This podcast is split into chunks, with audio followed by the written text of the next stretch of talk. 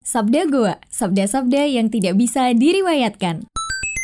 Ini merupakan sebuah pertanda kalau misalnya uh, produser-produser dan direktur-direktur film ini harus mulai untuk melirik Mbak Dehaya. Jadi sebelum nikah itu harus dikasih kayak ujian masuk PNS gitu. Tanggal 27 Januari 2023 ini bertepatan dengan apa yang namanya Hari Peringatan Holocaust Internasional.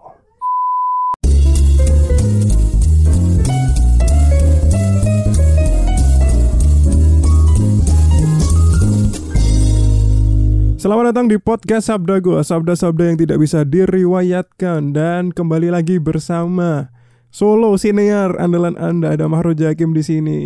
Halo semua warga gua, apa kabar? Seminggu tidak berjumpa ya kecuali kamu dengerin kemarin episode spesial SMS Sabda Smith Legislation. Dan hari ini agak berbeda. Ya memang berbeda sih, bukan agak lagi karena wah, episode panjang, episode mingguan yang rilis hari Jumat yang biasanya sama Sabdi Nagara hari ini harus ditempuh dengan sendiri ya alias solo podcast. Karena Sabdi sedang sakit ya dan tidak bisa meluangkan waktu untuk membuat podcast mingguan tapi nggak apa-apa. Dan kita juga nggak punya bankingan ya ternyata. Wah itu adalah salah satu hal yang harus diperhatikan. Dan mungkin ke depannya kita bikin banking banking episode harusnya ya. Ya tapi nggak apa-apa uh, kita akan mengucapkan GWS dulu kepada, kepada Sabdi ya. Ayo kita ucapkan dalam hitungan 1 2 3 GWS Sabdi uh, semoga cepat sembuh diarenya dan juga muntah-muntahnya. Eh muntah-muntah gak sih? Aku lupa. Ya pokoknya dia sakit gitu diare, pusing, mual macam-macam ya. Itu adalah pertanda juga buat kalian para warga gua untuk menjaga kesehatan, untuk selalu menjaga kebersihan, higienis makanan, virus-virus dan juga bakteri-bakteri yang tidak terlihat ya. Dengan ya hidup sehat dan melakukan pola hidup yang oke okay lah.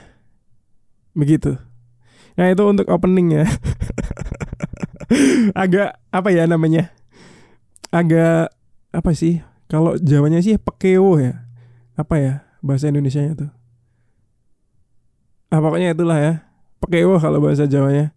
E, cari sendiri, silakan. Dan tidak lengkap dan tidak sabda gua namanya jika tidak ada recent update ya.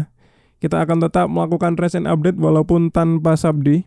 Tapi sebelum itu cerita seminggu ini memang cukup uh, random ya dariku sendiri karena udah aku ceritain juga di episode kemarin bukan episode kemarin episode episode SMS kalau misalnya aku nge-apply sebuah pekerjaan yang skillnya baru, baru ku pelajari selama dua minggu dan ketika kalian dengerin podcast ini aku baru training karena karena aku masuk training itu hari Jumat hari di mana podcast ini rilis.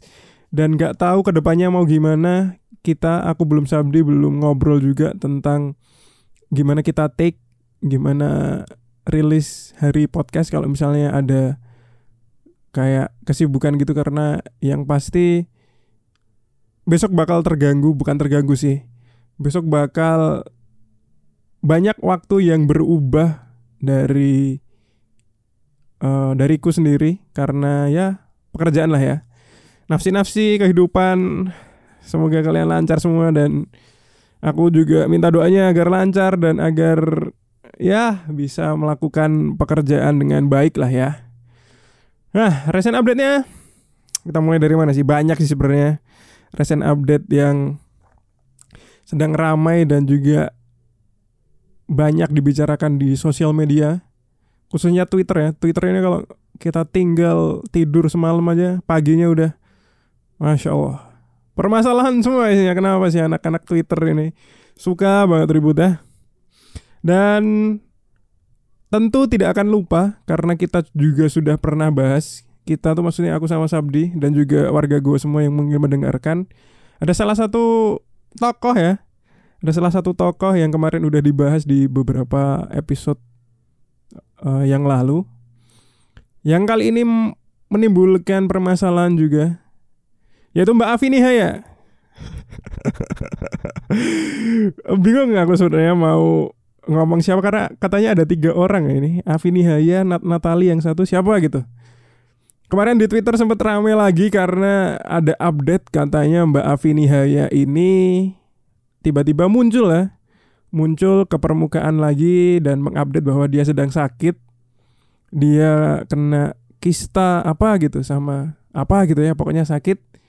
Terus dia mengirim seperti pap ya pap foto gitu dia kirim di grup WhatsApp kemudian ada orang yang nyekerin shoot terus dibawa ke Twitter seperti biasa di, di cerita Upin Ipin aja kalau ada penggembala kambing yang berbohong terus uh, dibantuin ternyata bohong lagi, dia jadi tidak dipercaya gitu. Apalagi ini di dunia nyata.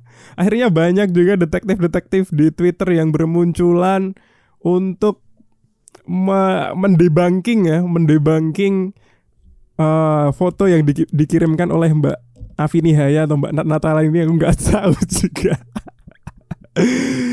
ya intinya banyak detektif tuh yang wah ini ada fotonya di Google atau gimana gitu. Ini bukan di RS yang itu. Ini bukan di RS yang ini. Pokoknya macam-macam lah ya. Dan ada juga yang membela membela Mbak Afi hanya katanya temennya Mbak Afi Nihaya melakukan sebuah pembelaan yang eh bener kok emang bener kok Mbak Afi Nihaya ini dirawat di RS ini buktinya saya bla bla bla bla bla bla bla tapi setelah dicek lagi sama detektif-detektif di Twitter, ketahuan lagi kalau misalnya itu adalah akun yang baru aja, bukan baru aja sih. Sebenarnya udah akun dari 2004 atau 2016 gitu. Terus nge-tweet lagi. Kemudian di track juga di Instagramnya Mbak Afi Nihaya. Ternyata orang itu uh, pernah di apa ya dikomenin sama username Nat Natali di Instagram buat cek DM gitu jadi dikait-kaitkan dengan minta tolong kalau misalnya mengklaim bahwa uh, Mbak Mbak Afi Nihaya ini berada di rumah sakit tersebut gitu ya. Ya, uh, kalau stance dari sabda gue sih biasa ya.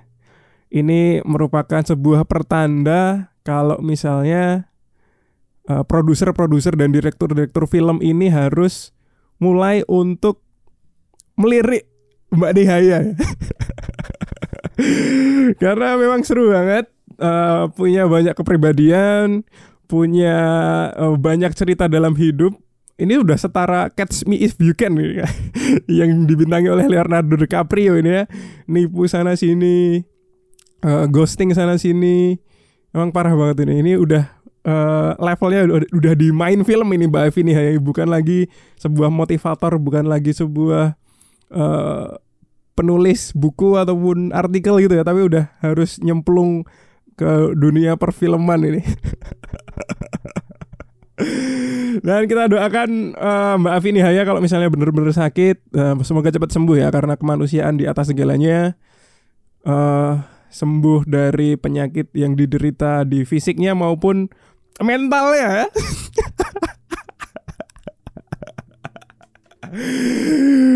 ah, Mbak Haya, Mbak Haya, udahlah, tobatlah. Berhentilah berlari-lari dan berhentilah untuk menipu dirimu sendiri, Mbak Vini Haya. Sudah, tobat, tobat, tobat. Kita lanjut ke recent update yang selanjutnya.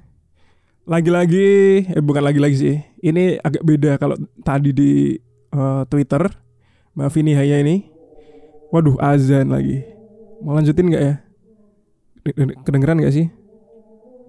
Iya nggak apa-apa lah ya kalau kedengeran dikit. Pokoknya udah azan gitu aja. Uh, lanjut tadi dari Twitter kita pindah ke TikTok ya. Ini TikTok ini juga banyak banget orang-orang yang tolol ya. Banyak banget orang-orang yang mungkin harus lebih banyak kita pelajari lagi behaviornya kenapa bisa seperti itu.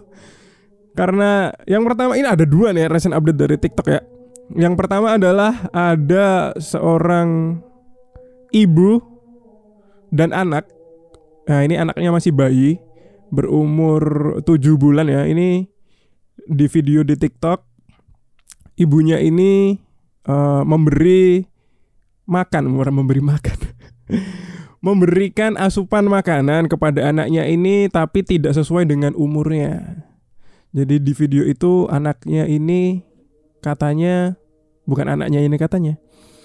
Katanya si ibu ini kalau misalnya susu kental manis itu nggak ada susunya gitu kan, itu cuma creamer gitu terus. Iya bener sih, bener kan kalau misalnya susu kental manis itu emang creamer dan uh, mungkin kalau misalnya ada kandungan susunya ya sedikit buat perasa gitu kan. Itu, itu emang bener dan mungkin nggak cocok gitu buat di di dikasih ke bayi gitu apalagi umur 7 bulan kan. Tapi pinternya ibu ini malah memberikan kopi. Kopi susu katanya. Iya sih kopinya ada susunya, ada kandungan susunya, ada perasa susunya. Tapi nggak kopi juga, tolong, tolong. Nah ini dan tidak berhenti di situ, dikasih ayam geprek pedas, dikasih macam-macam. Bentar, aku cek ya ada apa lagi ya ini. Bentar, bentar, bentar. Kemarin tuh, waduh aku liatnya tuh nggak tega, sampai nggak tega. Bayangin cuy bayi umur 7 bulan dikasih kopi dan gak hanya kopi, ada ayam geprek pedes. Terus abis itu apa ya? Eh, bentar, bentar, belum ketemu. Nah, oh ada bayi, terus dikasih apa lagi nih? Ayam ricis, jus kelapa. Wow, wow, wow, wow, wow, wow. Aku tidak bisa berkata-kata ya guys ya. Ini lebih ke miris ya ul daripada Aduh, gimana ya ngomongnya? Uh, gini loh. Memang, memang tidak semua orang itu mampu ya untuk menjadi seorang orang tua yang baik. Tapi ketika kamu mempunyai ataupun pengen untuk punya anak gitu ya, itu tuh paling enggak punya akal gitu loh. punya akal, punya nalar yang sehat, punya apa yang namanya? kemampuan untuk memanusiakan manusia. Ini anak tujuh bulan loh, maksudnya pencernaannya belum uh, oke, okay, belum bisa mencerna makanan-makanan yang emang berat. Ya dikasih susu kental manis lah, dikasih kopi lah, dikasih ayam geprek ricis lah. Iya, anda makan ayam geprek ricis boleh silahkan Tapi jangan disuapin juga ke anak Anda yang berumur 7 bulan Tolong Mau apa lagi yang disuapin ke anak 7 bulan itu ha? Berkatan ha? Gudangan ha? Apa lagi? Hah?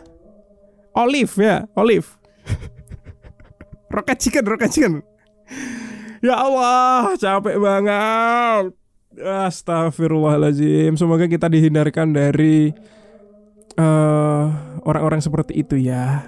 Itu juga sebagai pembelajaran buat kita juga kalau misalnya besok jadi orang tua.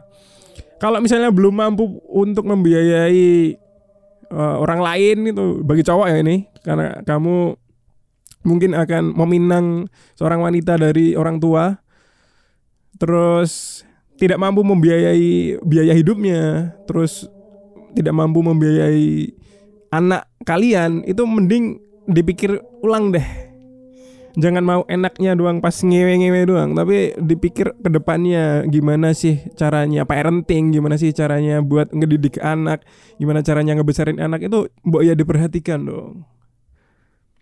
Aduh lah, capek lah. sebenarnya ini harus ada apa ya namanya peraturan baru kalau menurutku di Indonesia ini. Jadi sebelum nikah, ini nikah kan harus pergi ke KUA ya. Jadi sebelum nikah itu harus dikasih kayak ujian masuk PNS gitu. Disuruh tes TPA lah, disuruh tes bahasa Inggris lah, apa pun itu buat uh, terus ada nilai minimal gitu kalau untuk kelulusan gitu. Kalau nggak lulus nggak boleh nikah tuh. Biar orang-orang ini yang Wah. ah, capek. Biar orang-orang ini yang misalnya kalau mau jadi orang tua ya ya punya akal pikiran yang sehat gitu loh.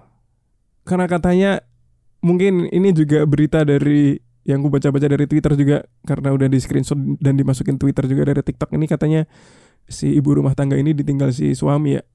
Ini juga jadi uh, perhatian kita juga kalau misalnya cari carilah jodoh yang mengerti gitu. Nggak cuma mengerti kalau ngewe itu enak tapi mengerti gimana caranya berhubungan baik dengan pasangan, dengan orang tuanya juga, dengan uh, mertua, dengan hablumin anasnya tuh bener-bener dijaga lah tolonglah ya Allah ini kasihan anaknya tujuh bulan nggak tahu apa-apa nggak salah apa-apa di suapin kopi capek dan tidak berhenti di situ ke kebodohan-kebodohan di TikTok ini juga uh, ada yang lain yaitu mungkin ini udah beberapa minggu dan juga udah santer dibicarakan di sosial media ataupun per, per televisian ya. Ini tentang nenek-nenek mandi lumpur ya dipaksa sama nggak tahu sih itu anaknya atau cucunya atau nggak tahu siapa. Dan malah bangga ya si anaknya karena bisa diundang ke TV bisa dapat uang banyak bisa beli motor gede ini itu ini itu macam-macam bla bla bla bla dan menurutku karena nggak ada sabdi sebenarnya kita juga nggak bisa nyalahin si masnya sih karena kalau ditarik lebih jauh memang itu masalahnya masalah sistemis. Masalah sistemisnya gimana? Karena uh, pembelaan dari eh hujan ya? Ya kayaknya kayaknya hujan. Nah, masalah sistemnya itu karena pembelaan dari mas masnya itu dan simbah-simbahnya itu karena memang ada platformnya untuk menyediakan uang gitu loh. Jadi si Simba ini mengaku kalau misalnya ketika dia nggak live TikTok sebelum live, ikut live TikTok mandi lumpur, dia itu cuma bekerja sebagai uh, apa namanya petani serabutan gitu. Petani serabutan yang sehari-hari itu cuma dibayar tiga puluh ribu apa ya apa berapa gitu. Terus ketika dia masuk dalam agensi TikTok itu sehari itu bisa dapat 6 juta 6 juta dan dibagi dua sama masnya 3 juta itu masih untung banyak banget dari apa namanya dibandingkan dengan ketika dia jadi buruh tani gitu loh dan kita siapa ketika berani-berani untuk mengkritik uh, mas-mas ataupun simbah-simbah itu tanpa solusi yang konkret gitu loh. Kalau menurutku kayak gitu. Jadi misal misal misal kita cancel culture lah orang-orang yang seperti itu. Uh, kita eh nggak boleh lah eksploitasi orang tua eksploitasi ini itu ini itu. Terus gimana solusinya apakah kamu bisa nuker penghasilan simbah-simbah itu yang sehari 3 juta? Yang lebih dari UMR-mu itu yang nggak seberapa yang kamu bisa dapat 2 juta mungkin dalam sebulan tapi simbah-simbah itu bisa dapat dalam waktu semalam? Ayo. Permasalahannya di sistemis cuy itu. Karena memang ada demand ya ada orang yang willing to watch the show gitu loh. Dan mereka uh, mau untuk nyawer mau untuk melihat bahwa simbah-simbah ini aku aku pengen ngelihat simbah-simbah ini ngeguyur dirinya sendiri pakai lumpur. Aku pengen ngelihat simbah-simbah ini mandi lumpur gitu cuy. Ya walaupun aku tetap nggak suka ya tetap nggak suka uh, tentang dalam tanda kutip ngemis online itu. Karena memang apa ya ya nggak aku sih nganggapnya sih nggak manusiawi ya kalau udah ada simbah-simbah kayak gitu. Tapi simbah-simbahnya juga mau kok kerja kayak gitu kalau dipikir-pikir lagi. Dan dia juga dapat cuan yang bagus. Menurut dia ya daripada jadi buruh tani yang sehari cuma dapat tiga puluh ribu cuma cukup buat makan doang itu bisa dapat 3 juta sehari dari gift-gift orang-orang yang nonton live TikTok. Sistemis cuy nggak bisa tuh struktural. Karena pada dasarnya orang-orang di Indonesia tuh seneng buat nyuruh orang lain. Misalnya orang nggak pakai jilbab disuruh pakai jilbab. Ketika lihat orang ketika lihat cewek nggak pakai jilbab pasti komenannya ada yang kak cantikan pakai hijab. Kak cantikan pakai jilbab. Dih itu siapa ngatur gitu loh maksudnya. Dan ini ada demandnya gitu, ada ada demand ketemu supply gitu loh. Ada platform namanya TikTok menyediakan live buat dalam tanda kutip kreatornya. Nah di situ ada celah, mas-mas ini, mas-mas yang uh, promo mandi lumpur ini tahu kalau misalnya ada celah orang-orang Indo itu suka ngatur, orang-orang Indo itu suka nyuruh. Nah dia masuk di situ, dia mandi lumpur di situ. Ketika kamu ngirimin gift di sana, maka satu kali guyur. Ketika kamu ngirimin gift lebih gede, makanya guyurannya lebih banyak atau gimana lah. Pokoknya aku juga nggak pernah nonton kayak gitu. Tapi itu masalah supply and demand cuy kalau kamu pengen itu stop ya udah jangan nonton gitu loh tapi aku yakin sih warga gue juga nggak suka nontonin uh, mandi lumpur ini jadi cuma apa ya kita lihat dari sudut pandang lain gitu loh kalau misalnya di warga di sabda gue ya jadi permasalahan itu tuh bukan permasalahan nggak punya hati atau nggak empati, nir empati gitu enggak. Ini masalah lebih ke masalah struktural. Karena ya siapa yang mau ngasih makan, siapa yang mau ngasih duit 3 juta, siapa yang mau nuker duit 3 juta. Kalau kita sebagai orang yang kata katanya punya empati itu nggak bisa memenuhi uh, uang yang dia dapatkan ketika semalam live mandi lumpur gitu loh. Gimana cara stopnya? Ya ya, ya udah nggak usah nonton. Karena setiap kita misalnya lewat di FYP gitu kita nonton sebentar aja gitu kan itu engagement cuy. Dan itu pasti diterusin ke orang-orang lain yang mungkin sefrekuensi sama akun kalian. Kayak gitu sih. Apakah apakah pantas untuk mandi lumpur ya monggo itu balik lagi ke kompas moral penontonnya sendiri. Kalau misalnya memang moral dan juga empati itu lebih tinggi daripada penghasilan daripada uang, yakin aku nggak ada yang mandi-mandi lumpur kayak gitu, apalagi yang pakai talentnya dalam tanda kutip itu orang-orang tua. Tapi kan nyatanya enggak.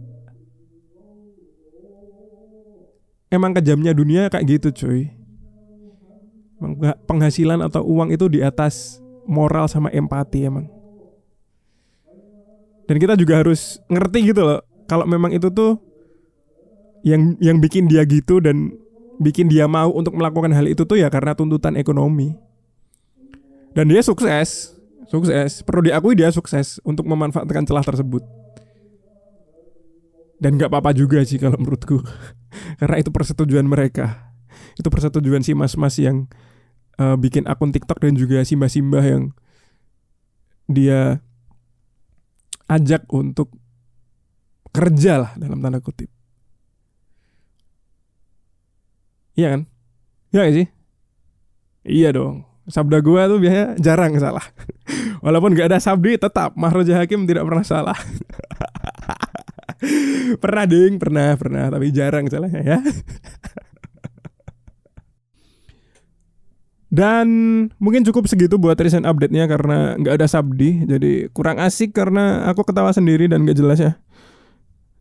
Dan juga sepertinya itu udah setengah dari episode biasanya 30 menit pertama tapi kayaknya ini nggak nyampe 30 menit sekitar 20 menitan lah. Uh, correct me if I'm wrong ya. Bisa di komen Instagram, bisa di mana pun itu uh, ngikut terserah.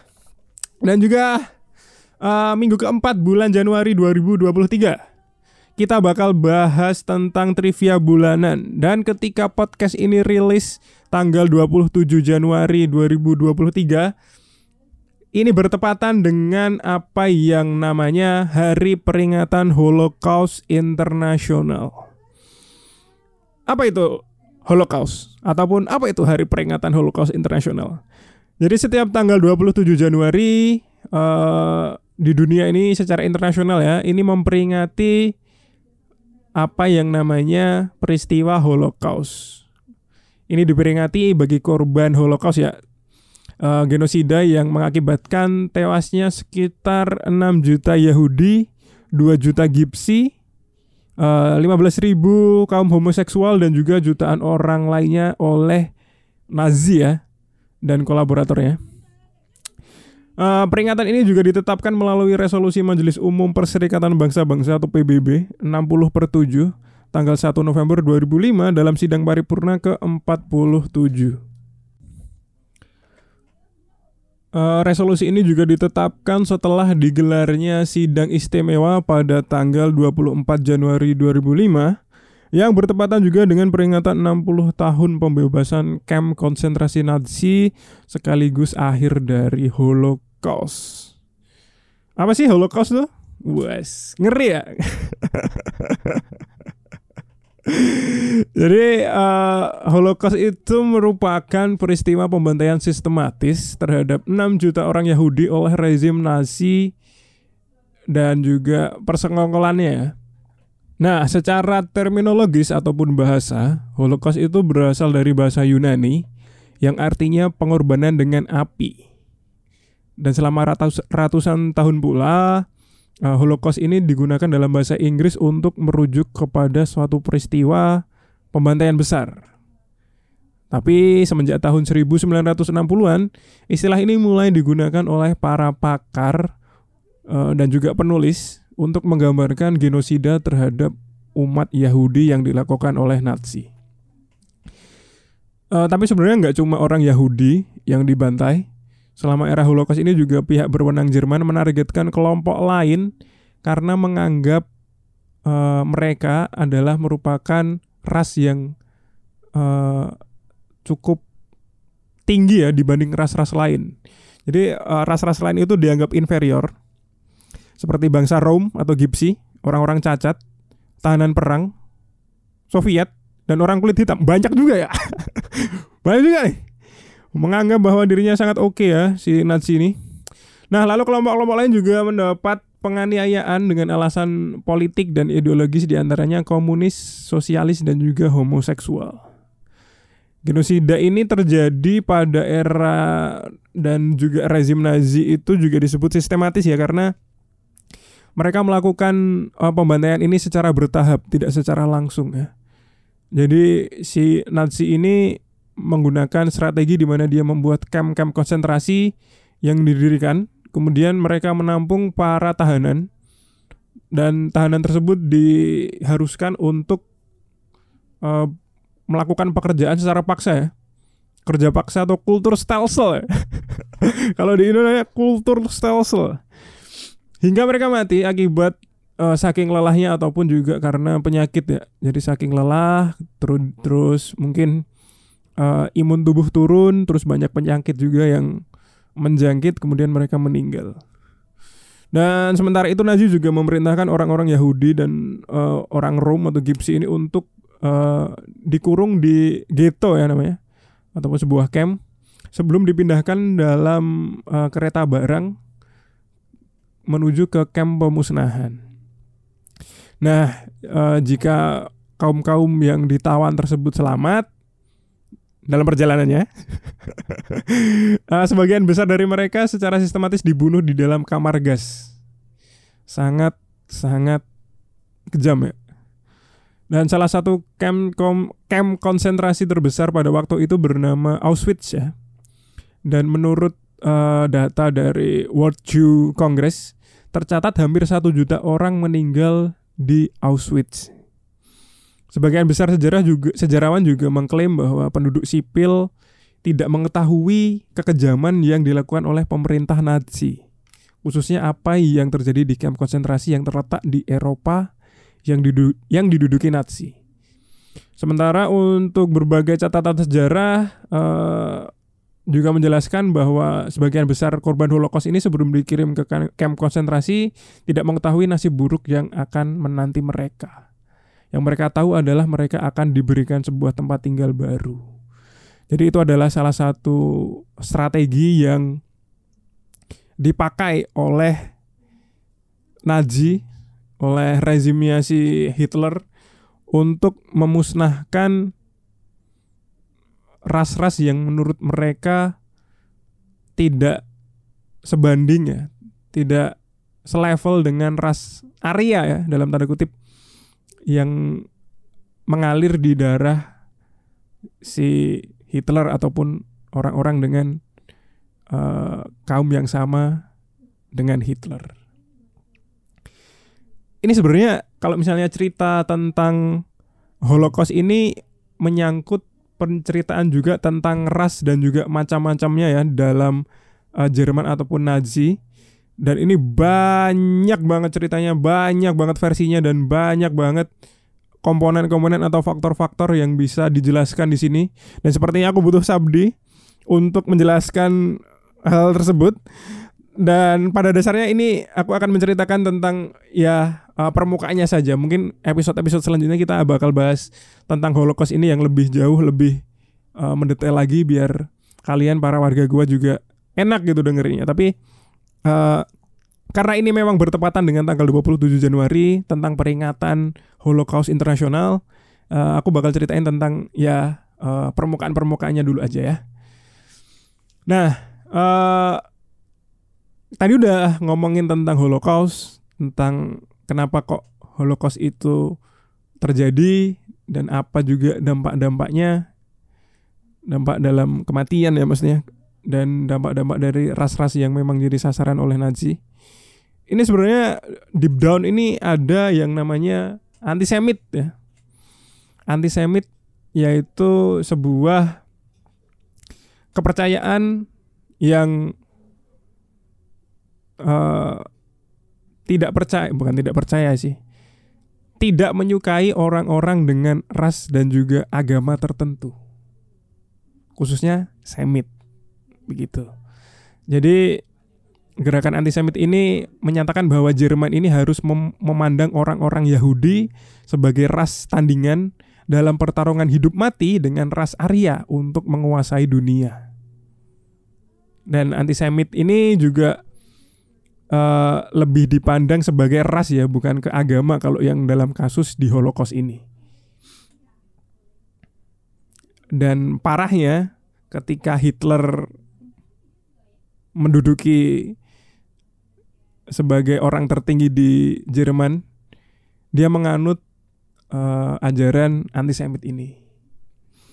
Uh, bahkan si Hitler ini secara pribadi bilang bahwa setelah saya berkuasa, tugas saya yang pertama dan terutama sekali adalah memusnahkan orang Yahudi. Saya akan membangun tiang gantungan di Munich kemudian orang-orang Yahudi akan digantung tanpa pandang bulu. Dan mereka akan tetap digantung sampai mereka membusuk dan lalu kota-kota lain akan menyusul sampai keseluruhan Jerman telah benar-benar bersih dari orang-orang Yahudi. Itu menggambarkan betapa bencinya dan betapa mengakarnya uh, idealisme antisemit dalam diri Hitler ya. Dan eh, ini juga memang peristiwa besar dalam sejarah kemanusiaan karena ini juga merupakan salah satu peristiwa yang bisa dikatakan shifting power dan shifting uh, apa ya kata yang cocok ya shifting power yang cocok digunakan sebenarnya. Shifting power dan shifting kekuasaan terhadap negara-negara besar di Eropa sana. Dan juga mungkin dampaknya kalau misalnya ditarik uh, lebih jauh dan lebih dikaitkan bisa uh, berdampak di Indonesia juga uh, terhadap kemerdekaan Indonesia juga. Itu kan juga permasalahan tentang perang dunia kedua juga kan sebenarnya. Besok mungkin kita bisa lebih jeli lagi ngomongin Holocaust ini kita balik lagi ke peringatan uh, Holocaust internasional jadi memang uh, peringatan tentang Holocaust internasional pada tanggal 27 Januari ini diinisiasi oleh Kongres Yahudi Sedunia ya yang menggelar kampanye tahunan untuk memperingati peristiwa genosida. Ini biasanya bertajuk hashtag We Remember ya. Kalau bahasa Indonesia sih kita ingat itulah ya. Nah, dipilihnya tanggal 27 Januari itu karena pada tahun 1945 bertepatan juga tanggal 27 Januari ini camp konsentrasi terbesar di Nazi yaitu Auschwitz tadi dan juga Birkenau dibebaskan oleh tentara Soviet. Sebelum keluarnya resolusi 60 per 7 tadi yang di awal ya tentang uh, peringatan Holocaust sedunia, itu terdapat juga sejumlah peringatan nasional Holocaust. Misalnya ada yang namanya Tagdes Gedenkes and the Opfer des Nationalismus ataupun ber, uh, yang bisa diartikan sebagai Hari Peringatan Korban Sosialisme Nasional uh, di Jerman ya yang mulai dirayakan sejak Januari 1996 atas perintah Presiden Roman Herzog. Dan juga hari peringatan Holocaust yang diperingati di Britania Raya setiap tanggal 27 Januari sejak tahun 2002, 2001. Hmm. Nah, eh, apa sebenarnya resolusi Majelis Umum PBB yang 60 per 7 tadi? Jadi resolusi 60 per 7 itu menetapkan 27, 27 Januari sebagai hari peringatan Holocaust internasional dan mendesak para semua negara anggota PBB untuk menghormati para korban Holocaust. Selain itu, eh, mendorong untuk pengembangan program pendidikan mengenai sejarah Holocaust untuk membantu mencegah tindakan genosida di masa depan. Resolusi ini juga menolak penyangkalan Holocaust dan mengutuk semua manifesto yang berhubungan dengan intoleransi beragama, hasutan, penistaan, dan juga kekerasan terhadap seseorang atau komunitas yang berasal dari suku bangsa atau agama tertentu. Selain itu, diserukan juga untuk melestarikan secara aktif situs-situs Holocaust seperti kamp kematian, kamp kerja paksa, kamp konsentrasi, camp tahanan Nazi dan juga mungkin tadi camp yang uh, gas beracun ya untuk membunuh orang-orang Yahudi ataupun dengan ras tertentu Egypsi Rom tadi. Serta untuk membentuk sebuah program PBB yang berupaya untuk menanamkan pendidikan dan juga peringatan Holocaust kepada masyarakat. Nah, resolusi ini uh, sebenarnya ya tadi diinisiasi oleh Kongres Yahudi di dunia ya dan juga negara Israel ya karena memang ya mau bagaimanapun juga tidak bisa dipungkiri kalau misalnya orang-orang Yahudi itu sekarang banyak bermukim dan juga bertempat tinggal di Israel dan juga menjadi salah satu negara yang mempunyai uh, warga dengan penganut kepercayaan Yahudi terbanyak ya dan inti dari resolusi tersebut itu sebenarnya ada dua pendekatan, yaitu mengenang dan juga mengingat, serta menanamkan pendidikan Holocaust terhadap generasi masa depan.